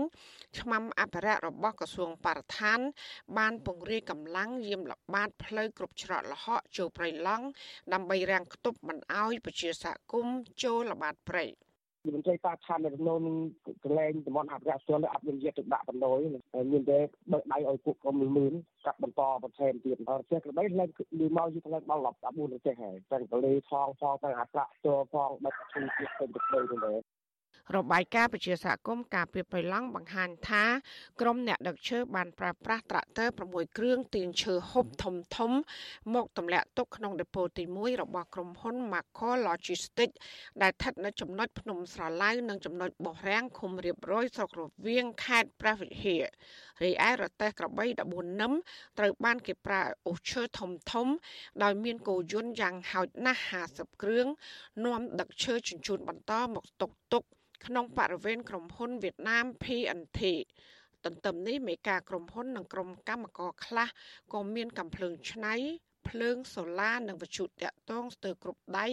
ដើម្បីងាយស្រួលផ្ដល់ព័ត៌មាន ពីសកម្មភាពដឹកឈើក្នុងព្រៃអភិរក្សនេះ វិទ្យុអសីស្រីនៅមិនទាន់អាចតាក់ទងសុំការបំភ្លឺរឿងនេះពីអ្នកនាំពាក្យក្រសួងបរិស្ថានលោកណេតភក្ត្រានិងរដ្ឋមន្ត្រីក្រសួងកសិកម្មលោកវេងសខុនបាននៅឡើយទេ នៅថ្ងៃទី5ខែសីហារីឯតំណាងក្រុមហ៊ុនវៀតណាម PNT និងក្រុមហ៊ុន Macol Logistics ក៏វិទ្យុអសីស្រីមិនអាចតាក់ទងសុំការបំភ្លឺរឿងនេះបានដែរនៅថ្ងៃដដែលនេះ។ កន្លងទៅរដ្ឋបាលប្រៃឈើបានបំភ្លឺក្នុងសេចក្តីប្រកាសព័ត៌មាន បង្ហាញថាក្រសួងកសិកម្មបានអនុញ្ញាតឲ្យក្រុមហ៊ុន Macol Logistics ប្រមូលឈើនៅក្នុងអនុតំបន់2 3និងអនុតំបន់4ដែលស្ថិតនៅក្នុងបរិវេណដីសម្បត្តិសេដ្ឋកិច្ចរបស់ក្រុមហ៊ុន PNT ប៉ុន្តែប្រជាសហគមន៍ថាមកដល់ពេលនេះក្នុងបរិវេណដីសម្បត្តិសេដ្ឋកិច្ចរបស់ក្រុមហ៊ុនវៀតណាម PNT ពុំមានដើមឈើធំធំទៀតទេ គឺមានតែព្រៃរិចរិលប៉ុណ្ណោះក្រុមហ៊ុន PNT ទទួលបានដីសម្បត្តិសេដ្ឋកិច្ចពីរដ្ឋាភិបាលទំហំ78,000ហិកតានៅស្រុករវៀងខេត្តព្រះវិហារកាលពីឆ្នាំ2010ក្រោមកិច្ចសន្យារយៈពេល70ឆ្នាំ ប្រជាសហគមន៍អះអាងថាក្រុមហ៊ុនមិនបានដាំដុះតាមកិច្ចសន្យាជាមួយរដ្ឋាភិបាលនោះទេដោយសម្រុកកាប់ឈើនិងធ្វើអាជីវកម្មឈើជាង1ឆ្នាំមកហើយលើពីនេះទៀតក្រុមហ៊ុនមានម៉ាស៊ីនអាចជ្រៀកឈើខ្នាតធំ4គ្រឿងដែលស្ថិតនៅក្នុងស្រុករវៀងជាប់ព្រៃឡង់ខេត្តព្រះវិហារ មន្ត្រីសម្រាប់សម្រួលគម្រោងនៃសមាគមបណ្ដាញយុវជនកម្ពុជាលោកអូតឡាទីន ដែលបានចុះអង្កេតរឿងនេះមើលឃើញថាក្រសួងបរិស្ថាននៅតែមិនព្រមមានវិធានការច្បាប់ចំពោះជនល្មើសរួមទាំងមន្ត្រីខលខូចដែលខុបខិតគ្នាបំផ្លាញព្រៃអភិរក្សលោកថាក្រសួងសម័យមួយនេះកំពុងបណ្ដាលបណ្ដោយមិនយកចិត្តទុកដាក់ដោះស្រាយបញ្ហានេះធ្វើឲ្យអក្រិតកម្មប្រៃឈើនៅតែបន្តកើតមានដដែលដដែលគ្មានទីបញ្ចប់ ពេលដែលអស់ព្រៃឈើតាំងនាំគ្នាទៅស្ដារព្រៃឈើឡើងវិញនាំគ្នាទៅដាំកូនឈើអញ្ចឹងអានឹងគឺជាការប្រព្រឹត្តកំហុសដ៏ធ្ងន់ធ្ងរដែលយើងមានច្បាប់ស្ដីពីតំបន់ការពារធម្មជាតិមានមន្ត្រីរដ្ឋបាលការពារហើយយើងអត់ព្រមធ្វើការអនុវត្តច្បាប់អត់ព្រមធ្វើការដោះស្រាយបញ្ហាកំឡុងពេលដែលបញ្ហានៅកើតមានតូចតាចអានេះវាគឺជាចំណុចមួយដែលខ្ញុំយល់ថាជាការប្រព្រឹត្តកំហុសមួយយ៉ាងធ្ងន់ធ្ងរណាសម្រាប់មន្ត្រីអនុវត្តច្បាប់ ជុំវិញរឿងនេះសកម្មជនការពីប្រៃឡង់លោកហេងស្រស់ចាត់ទុកអក្រិតកម្មប្រៃឈើទាំងនេះគឺជាចេតនារបស់រដ្ឋាភិបាលនិងក្រសួងបរិស្ថាន ដែលបណ្ដាលបណ្ដោយអាកម្មករក្រុមហ៊ុនកាប់ឈើដោយសេរីលោកថាឆ្មាំអភិរក្សរបស់ក្រសួងបរិស្ថាន និងអាជ្ញាធរខ្លះមានជាប់ពាក់ព័ន្ធខົບខិតគ្នាប្រព្រឹត្តបទល្មើសព្រៃឈើទាំងនេះទៅការអនុវត្តច្បាប់គ្មានប្រសិទ្ធភាព យើងគិតថាបើសិនជារាជរដ្ឋាភិបាលគាត់មានឆន្ទៈពិតប្រាកដយើងជឿជាក់ថារាជរដ្ឋាភិបាលគាត់នឹងប្រក្រាបទៅលើក្រុមអង្គការនិងក្រុមហ៊ុនមួយចំនួនដែលរកស៊ីការកាប់បំផ្លាញព្រៃឈើនៅក្នុងប្រទេសកម្ពុជាក៏ដូចដឹកជញ្ជូនយកទៅលក់នៅខាងក្រៅប្រទេសដោយកាលពីឆ្នាំ2016អញ្ចឹងដែរសកម្មជនបរិស្ថានរូបនេះបន្ថែមថាដែនចម្រុកសត្វព្រៃឡង់ក្នុងខេត្តក្រចេះក៏មានបាត់ល្មើសព្រៃឈើកាត់ឡើងយ៉ាងច្រើនសន្ធឹកសន្ធាប់ដូចគ្នានេះដែរ ហើយបច្ចុប្បន្នមានកម្មកររាប់រយនាក់កំពុងពង្រាយពេញព្រៃឡង់ដើម្បីកាប់ផ្ដួលរំលំដើមឈើរាប់រយដើមដឹកលក់ទៅឲ្យក្រុមហ៊ុន Sing Biotech និងក្រុមហ៊ុនអង្គរ Plywood លោកថាក្រុមហ៊ុនទាំងនេះប្រើរូបភាពធ្វើអាជីវកម្មឈើប្រុងប្រយ័ត្នជាងមុន ដោយបញ្ជូនកងសន្តិសុខយាមល្បាតគ្រប់ច្រកមិនឲ្យមនុស្សប្លែកមុខចិញ្ចោនៅតំបន់នោះ លោកហេងត្រោះសង្កេតឃើញថាពួកលោក បានលបឆ្មក់ចុះល្បាតដល់រកឃើញជំរំកាប់ឈើ5កន្លែង ដែលគេបានសាងសង់ដើម្បីឲ្យកម្មករសម្រាកហូបអាហារក្នុងដែនចម្រុកសត្វព្រៃឡង់បច្ចុប្បន្នស៊ីស្រីនៅមិនទាន់អាចតាក់ទងសុំការបំភ្លឺរឿងនេះពីតំណាងក្រុមហ៊ុនទាំងនេះបាននៅឡើយទេ បណ្ដាញក្រុមស្នូលការពីប្រៃឡង់បន្ថែមថាឆ្មាំអភិរក្សរបស់ក្រសួងបរិស្ថាន ដែលរដ្ឋាភិបាលបញ្ជូនឲ្យទៅឈរជើងការពីប្រៃនៅតំបន់ប្រៃឡង់ទាំង4ខេត្តនោះมันបានបំពេញតួនាទីអនុវត្តច្បាប់ប្រៃឈើឲ្យបានត្រឹមត្រូវនោះឡើយហើយបច្ចុប្បន្នបែរជាកាងអាជីវកម្មឈើខុសច្បាប់របស់ក្រុមហ៊ុនទាំងនេះព្រោះតែផលប្រយោជន៍លើពីនេះមន្ត្រីបរិស្ថានទាំងនោះតែងតែឃ្លាំមើលប្រជាសហគមន៍ មិនឲ្យចុះល្បាតព្រៃដោយលើកហេតុផល ថាมันបានសុំច្បាប់អនុញ្ញាតក៏ប៉ុន្តែបើកដៃឲ្យក្រុមហ៊ុនអ្នកកាប់ឈើចូលព្រៃឡង់ដោយសេរីចាលោកនាងជាទីមេត្រីក្រោយទៅពីការស្ដាប់ការផ្សាយរបស់វិទ្យុអសីស្រីតាមបណ្ដាញសង្គម Facebook និង YouTube លោកដានៀងកញ្ញាក៏អាចស្ដាប់ការផ្សាយរបស់យើង តាមរយៈរលកធាតុអាកាសខ្លីឬ short wave ដូចតទៅ ចាប់ពីព្រឹកចាប់ពីម៉ោង5កន្លះដល់ម៉ោង6កន្លះគឺតាមរយៈរលកធាតុអាកាសខ្លី12140 kHz ស្មើនឹងកម្ពស់ 25m និង13715 kHz ស្មើនឹងកម្ពស់ 22m ចាសម្រាប់ពេលយប់វិញគឺចាប់ពីម៉ោង7កន្លះដល់ម៉ោង8កន្លះ គឺតាមរយៈរលកធាតុអាកាសខ្លី9960 kHz ស្មើនឹងកម្ពស់ 30m 12140 kHz ស្មើនឹងកម្ពស់ 25m ហើយនឹង11885 kHz ស្មើនឹងកម្ពស់ 25m ចាសសូមអរគុណ ចាលោកនាងកញ្ញាកំពុងស្ដាប់ការផ្សាយរបស់វិទ្យុអសីស្រីផ្សាយចេញពីរដ្ឋធានី Washington អ្នកការពារសិទ្ធិមនុស្សនិងអ្នកជំនាញផ្នែកសន្តិសុខប្រព័ន្ធអ៊ីនធឺណិតលើកទឹកចិត្តដល់អ្នករងគ្រោះដោយសារការបោកប្រាស់តាមបណ្ដាញសង្គមតាក់ទងនឹងកម្ចីតាមអនឡាញឲ្យមានសេចក្តីក្លាហានចេញមុខរួមគ្នាវែកមុខជន់ឆបោក អង្គការសិទ្ធិមនុស្សលីកាដូបានរកឃើញថាស្ត្រីខ្មែរកំពុងខ្លាចជាគោលដៅនៃការប្រើប្រាស់កម្ចីអនឡាញដែលបានទាញស្ត្រីទាំងនោះឲ្យធ្លាក់ក្នុងបំណុលវ័នកនិងការចម្រិតទារប្រាក់តាមរយៈការប្រើប្រាស់រូបភាព និងវីដេអូអាក្រាតរបស់ជនរងគ្រោះចាប់ពីរដ្ឋធានី Washington អ្នកស្រីសុជីវី មានសេចក្តីរាយការណ៍ពិស្ដារអំពីរឿងនេះដូចតទៅអ្នកសិទ្ធិមនុស្សនិងអ្នកជំនាញសន្តិសុខ Digital រំពឹងថា ការលាតត្រដាងពីការឆោបោករួមនឹងភ័ស្តុតាងនានាដែលផ្ដល់ដោយជនរងគ្រោះនឹងជួយឲ្យក្រុមអង្គការសង្គមស៊ីវិលនិងអាជ្ញាធរពាក់ព័ន្ធឈានទៅដោះស្រាយបញ្ហានិងជួយជនរងគ្រោះពីការផ្ដល់កម្ចីអនឡាញបានទាន់ពេលវេលានាយកទទួលបន្ទុកកិច្ចការទូតនៃអង្គការសិទ្ធិមនុស្សលីកាដូលោកអំសំអាតថ្លែងថាដើម្បីទប់ស្កាត់ការបោកប្រាស់ពិសេសការផ្ដល់កម្ចីបោកប្រាស់បាន សំខាន់បំផុតគឺជនរងគ្រោះហ៊ានចេញមុខក្នុងន័យជួយខ្លួនឯងផង និងទប់ស្កាត់មិនឲ្យករណីឆបោកបន្តកើតមានផង លោកបន្តថាជនរងគ្រោះអាចជ្រើសរើសទៅប្តឹងអាជ្ញាធរឬទៅជួបជាមួយនឹងមន្ត្រីអង្គការសង្គមស៊ីវិលដែលអាចទុកចិត្តបានបើដឹងខ្លួនថាចាញ់បោកគេហើយគេបៀតបៀនខ្លួនទៅតាមប្រព័ន្ធអនឡាញហើយ ទីមួយយើងប្រមូលផុសតាងគឺការ screenshot ការកត់អត្តសញ្ញាណផ្សេងផ្សេងដែលយើងអាចធ្វើទៅបានដើម្បីទុកជាផុសតាងហើយហ៊ានចេញមុខ នៅក្នុងការផ្ដឹកទៅសមត្ថកិច្ចដើម្បីឲ្យចាត់វិធានការតាមផ្លូវច្បាប់ទោះបីថាតាមប្រព័ន្ធអនឡាញក៏ដោយប៉ុន្តែសម័យបច្ចេកវិទ្យាយើងដឹងហើយថាអ្នកបច្ចេកទេសក៏គេមានបច្ចេកទេសខ្ពស់ដែរអញ្ចឹងគេអាចនឹងស្វែងរកឃើញហើយអ្វីដែលសំខាន់ទៀតគឺយើងកុំផ្អែកទៅលើការបាក់ទឹកចិត្តការខ្លាចការភ័យការមិនហ៊ានអង្គការសិទ្ធិមនុស្សលីកាដូកាលពីថ្ងៃទី1ខែសីហា បានចេញផ្សាយរបាយការណ៍និងវីដេអូខ្លី បង្ហាញថាការបោកប្រាស់ដោយផ្ដាល់ប្រាក់កម្ចីតាមអនឡាញកំពុងដាក់គោលដៅទៅលើស្ត្រីខ្មែរនៅលើបណ្ដាញសង្គម Facebook និង Telegram ដែលអាចតាក់ទាញស្ត្រីទាំងនោះឲ្យធ្លាក់ចូលទៅក្នុងបំណុលវ័នកនិងការចម្រិតទារប្រាក់ពីការប្រើប្រាស់រូបភាព និងវីដេអូអាក្រាតកាយរបស់ជនរងគ្រោះអង្គការសិទ្ធិមនុស្សមួយនេះបញ្ជាក់ថា កាលពីឆ្នាំមុនអង្គការនេះទទួលបានព័ត៌មានពីការកេងប្រវ័ញ្ចស្ត្រីចំនួន3នាក់ ជាអ្នករងគ្រោះពីការបៀតបៀនរបស់អ្នកផ្ដល់កម្ចីតាមអនឡាញអង្គការ Liga do បញ្ជាក់បន្តថាស្ត្រីរងគ្រោះបានជួបប្រទះរឿងស្រដៀងស្រដៀងគ្នាក្នុងនោះជំហានដំបូងពួកគេបានខ្ចីប្រាក់ប្រមាណពី40ទៅ70ដុល្លារពីក្រុមហ៊ុនឬបុគ្គលដែលផ្សព្វផ្សាយផ្ដល់កម្ចីនៅតាមបណ្ដាញសង្គម Facebook និង Telegram ដើម្បីដោះទាល់នៅក្នុងជីវភាពប្រចាំថ្ងៃពួកគេបានកម្ចីទាំងនោះក្នុងអត្រាការប្រាក់ខ្ពស់និងលក្ខខណ្ឌមិនច្បាស់លាស់រហូតបានក្លាយជាបំណុលវាន់ក នៅពេលសម្ពាធនៃអត្រាការប្រាក់ឈានដល់ចំណុចធ្ងន់ធ្ងរក្រុមថ្មីមួយដែលមានឈ្មោះថា Lonely បានចេញមុខផ្ដល់កម្ចីខ្នាតធំរហូតដល់រាប់ពាន់ដុល្លារប៉ុន្តែនៅក្នុងលក្ខខណ្ឌតម្រូវឲ្យស្ត្រីជាកូនបំណុលផ្ញើរូបភាពឬវីដេអូអាក្រាតកាយឯកសារសម្គាល់ខ្លួននិងទីតាំងរស់នៅរបស់ពួកគេ ទៅឲ្យម្ចាស់ប្រាក់កម្ចី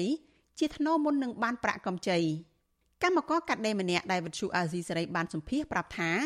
នៅពេលគ្រួសារលោកស្រីទាល់ខ្លាំង លោកស្រីក៏ទៅខ្ចីប្រាក់ចំនួន40ដុល្លារពីអ្នកផ្ដល់កម្ចីអនឡាញហើយបានសងគេរួចរាល់នៅក្នុងរយៈពេល1អាទិត្យក្រោយមកគេក៏ឲ្យខ្ចីចំនួន70ដុល្លារដោយតម្រូវឲ្យលោកស្រីថតរូបមានបញ្ជាក់ពីទីតាំងនិងបានសម្គាល់ខ្លួនព្រមទាំងលេខទូរស័ព្ទគ្រួសារសាច់ញាតិចំនួន3ខ្សែប្រាក់កម្ចីទាំងនោះមានការប្រាក់ខ្ពស់គឺពី10ទៅ20ដុល្លារនៅក្នុងមួយអាទិត្យលោកស្រីថាមកដល់ពេលនេះម្ចាស់បំណុលបានតម្រូវឲ្យបង់ប្រាក់ដោយមានការគំរាមកំហែង ធ្វើបាបក្រុមគ្រួសាររបស់លោកស្រីលោកស្រីបន្តថាស្របគ្នានេះក៏មានម្ចាស់ប្រាក់កម្ចីថ្មីមួយទៀតបានចេញមុខផ្ដល់កម្ចីបន្ថែមទៀតដែលអាចឲ្យខ្ចីដល់2000ដុល្លារឬច្រើនជាងនេះទៀតតែលោកស្រីថាពេលនេះលោកស្រីកំពុងភ័យខ្លាចមិនហ៊ានយកប្រាក់ទាំងនោះទៀតទេដល់ពេលដែលដល់ជិតថ្ងៃបងគាត់មានមេសេចមកមួយទៀតណាអនឡូនមួយគ្នាប៉ុន្តែ ដូររូបភាពប៉ុន្តែអត់ឲ្យយើងឆែកជា trend មើលអីអត់មានអី trend ទេតែដូររូបភាពដាក់រូបតុក្កតាដាក់រូបផ្កាឃុំអីចឹងណាបងអត់មានដាក់រូបមនុស្សគាត់តាក់តងរហូតឲ្យបង្ខំឲ្យខ្ញុំហ្នឹងផ្ញើលុយឲ្យគាត់70ហ្នឹងទៅបើមិនចង់មានបញ្ហាគាត់នឹងប្តឹងប៉ូលីសគាត់មានពាក្យទេទៅប្តីខ្ញុំថាស្គាល់តវងដែកវាយទៅបាក់កបាក់ជើងហើយយកជីវិតទៀតគេនិយាយគម្រាមរំហែងខ្ញុំអញ្ចឹងបង ចឹងអាហ៊ានទៅជួបកូនជួបអីខ្លាចគេធ្វើបាបតាមផ្លូវអាហ៊ានសោះបងលុយធ្វើ70រៀលទេបងអឺមូលហេតុរបស់ខ្ញុំខ្ញុំហ៊ានចង់គេនេះមិនឃើញថាណាមួយអត់មានទឹកដោះគោកូនទឹកចិត្តយកលុយទាំងបង្ខំចិត្តដែលថាមកចិត្តបងគេហ្នឹងណាបងហើយមួយទៀតតកតងខាងខ្ញុំកម្ចីធំ2000ឡើងលើតែ5000អត់មានដាក់អីទេបងអត់មានកាត់មិនចាំអត់មានអ្នកធានាប៉ុន្តែឲ្យខ្ញុំផ្ញើជា សេវាខ្សែសេវា77ដុល្លារមួយមិនខុសគ្នានេះដែរស្ត្រីជាកូនបំណុលមួយរូបទៀតបានប្រាប់អង្គការសិទ្ធិមនុស្សលីកាដូថាគាត់បានយល់ព្រមទទួលកម្ចីនៅក្នុងទឹកប្រាក់រាប់រយដុល្លារដោយសុកចិត្តថតរូបអាក្រាតកាយនៅពេលម្ចាស់ប្រាក់ធានាថាមិនឲ្យរូបភាពនោះបែកធ្លាយឡើយ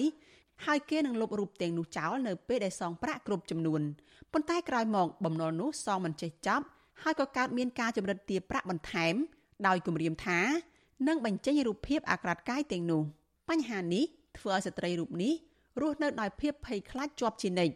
គឺវាថានឹងព្រីនរូបអាក្រាតកាយរបស់យើងហ្នឹងទឹកបាច់នៅពេញភូមិហ្នឹងហ្មងអ្នកណាក៏ស្គាល់អ្នកណាក៏ក៏ឃើញដែរពេលហ្នឹងខ្ញុំស្រក់គីឡូខ្លាំងមែនទែនហូបបាយអត់កើតទេសំបីតែមួយម៉ាត់ក៏ហូបអត់កើតដែរតែកតិននឹងករណីនេះអង្គការសិទ្ធិមនុស្សលីកាដូក៏បានដាក់ពាក្យបណ្ដឹងរបស់ជនរងគ្រោះចំនួន3នាក់ ទៅនាយកដ្ឋានប្រឆាំងបទល្មើសបច្ចេកវិទ្យានៃក្រសួងមហាផ្ទៃប៉ុន្តែនៅមិនទាន់ឃើញមានចំណាត់ការណាមួយនៅឡើយទេវិទ្យុអាស៊ីសេរីមិនអាចសុំការឆ្លើយតបរឿងនេះពីប្រធាននាយកដ្ឋានប្រឆាំងបទល្មើសបច្ចេកវិទ្យានៃក្រសួងមហាផ្ទៃលោកជាពៅបាននៅឡើយទេចំណែកអ្នកនាំពាក្យអគ្គស្នងការនគរបាលជាតិលោកឆៃកឹមខឿនក៏នៅមិនទាន់ឆ្លើយតបនឹងសំណួររបស់វិទ្យុអាស៊ីសេរីតាមបណ្ដាញសង្គម Telegram នៅឡើយដែរកន្លងទៅ លោកជាពៅអះអាងប្រាប់សារព័ត៌មានក្នុងស្រុកថាអញ្ញាធរនឹងចាត់វិធានការនៅពេលទទួលបានពាក្យបណ្ដឹងណាមួយតកតងនឹងកម្ចីអនឡាញនេះអ្នកនាំពាក្យសមាគមមីក្រូហិរញ្ញវត្ថុនៅកម្ពុជា លោកកាំងតុងងីណែនាំថាមកដល់ពេលនេះនៅកម្ពុជានៅមិនទាន់មានស្ថាប័នផ្ដល់កម្ចីតាមអនឡាញដាច់ដោយឡែកស្របតាមច្បាប់ មានដំណើរការជាផ្លូវការនៅឡើយទេ គឺមានតែធនាគារមួយចំនួន ដែលប្រើបណ្ដាញសង្គមអនឡាញត្រឹមតែជាចំណែក តាក់ទងជាមួយអតិថិជនលោកបន្តថាភាគច្រើននៃការផ្ដល់កម្ចីតាមអនឡាញអាចពាក់ព័ន្ធនឹងកម្ចីបោកប្រាស់គឺស្ថានដែលមានអាជ្ញាប័ណ្ណពីធនាគារជាតិក៏អាចធ្វើទម្រង់អនឡាញដែរគ្រាន់តែថាជាការអនុវត្តផ្ទាល់គឺយើងឃើញមានតិចនៅឡើយទេអ្វីដែលយើងឃើញអនឡាញជាក់ស្ដែងនេះគឺក្រុមបោកប្រាស់ស្ទើរតែ95%នេះគឺសិតតែក្រុមបោកប្រាស់ទេមានមួយក្រុមទៀតដែលគាត់មានអាជ្ញាប័ណ្ណដែរដែលពីខាងក្រសួងសេដ្ឋកិច្ចនិងហិរញ្ញវត្ថុមានក្រុមហ៊ុនថ្មីថ្មីរឿងការថា start up មួយចំនួនដែលគាត់ធ្វើទៅលើការផ្ដល់កម្ចីអនឡាញដែរតែមានមិនច្រើនទេដែលយើងឃើញជាក់ស្ដែងនៅក្នុងទីផ្សារតាម page តាម Telegram ឬក៏តាម TikTok អីគឺអត់មានច្បាប់ទេហើយមួយចំនួនហ្នឹងគឺអាចនិយាយបានថាអាជីវកម្មគាត់ហ្នឹងគឺប្រភេទឧក្រិដ្ឋកម្មតែម្ដងគឺគាត់មានការគំរាមកំហែងការបោកបន្លំជំវិញការលើកទឹកចិត្តជនរងគ្រោះវិញ ទីប្រឹក្សាផ្នែកសន្តិសុខ Digital លោកង៉ែតម៉ូសេលើកឡើងថា ការសហការរបស់ជនរងគ្រោះមិនគ្រាន់តែជួយដល់អាជ្ញាធរទេ ថែមទាំងអាចឲ្យជនរងគ្រោះបានទទួលជំនួយនានា ពិសេសជំនួយព្យាបាលបញ្ហាផ្លូវចិត្តបើយើងអត់អន់រាយការណ៍បានប្រាប់អត់បានចងក្រងឯកសារទេយើងយើងអាចជួយឲ្យគេបង្កើតនៅជនរងគ្រោះថ្មីទៅថ្មីទៅរៀងរាល់ថ្ងៃក្រៅពីជនរងគ្រោះនោះគឺការសង្គមស៊ីវិលដូចត្រូវប្រមូលផុសតាងហើយធ្វើការសិក្សាស្រាវជ្រាវ ហើយនឹងជួយដល់ជនរងគ្រោះជាពិសេសគឺតកតងជាមួយនឹងបញ្ហាផ្លូវចិត្តគាត់ត្រូវទទួលបានការអប់រំផ្លូវចិត្តជាដើមឡើងឡើងបាទក្រោយទៅពីមានរឿងបញ្ហាកើតឡើងមិនគួរផ្ទុកគាត់នៅសហគមន៍គាត់នៅតែឯងនៅគ្មានការពិភាក្សាខាងផ្លូវចិត្តនោះទេ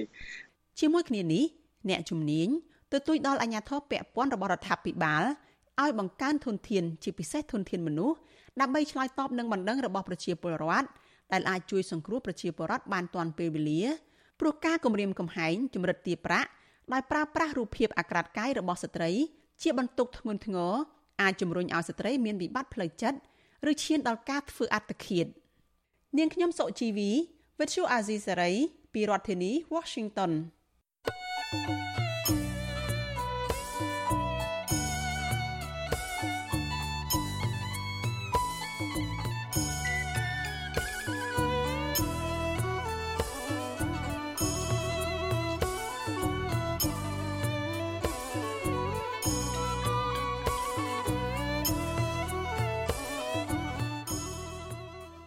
ចាលោកលានាងកញ្ញាអ្នកស្ដាប់ជាទីមេត្រីការផ្សាយរយៈពេល1ម៉ោងរបស់វិទ្យុអាស៊ីស្រីជាភាសាខ្មែរនៅពេលនេះចាប់តែប៉ុណ្ណេះ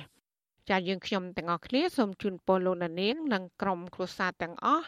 សូមជួបប្រកបតែនឹងសេចក្តីសុខសេចក្តីចម្រើន ជានិរន្តរ៍ចានាងខ្ញុំម៉ៅសុធានីព្រមទាំងក្រុមការងារទាំងអស់របស់អាស៊ីស្រីសូមអរគុណនិងសូមជម្រាបលា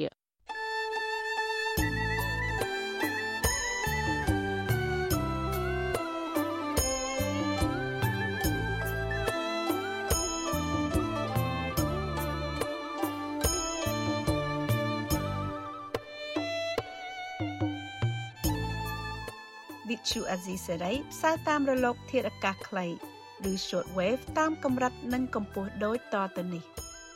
ពេលព្រឹកចាប់ពីម៉ោង5កន្លះដល់ម៉ោង6កន្លះ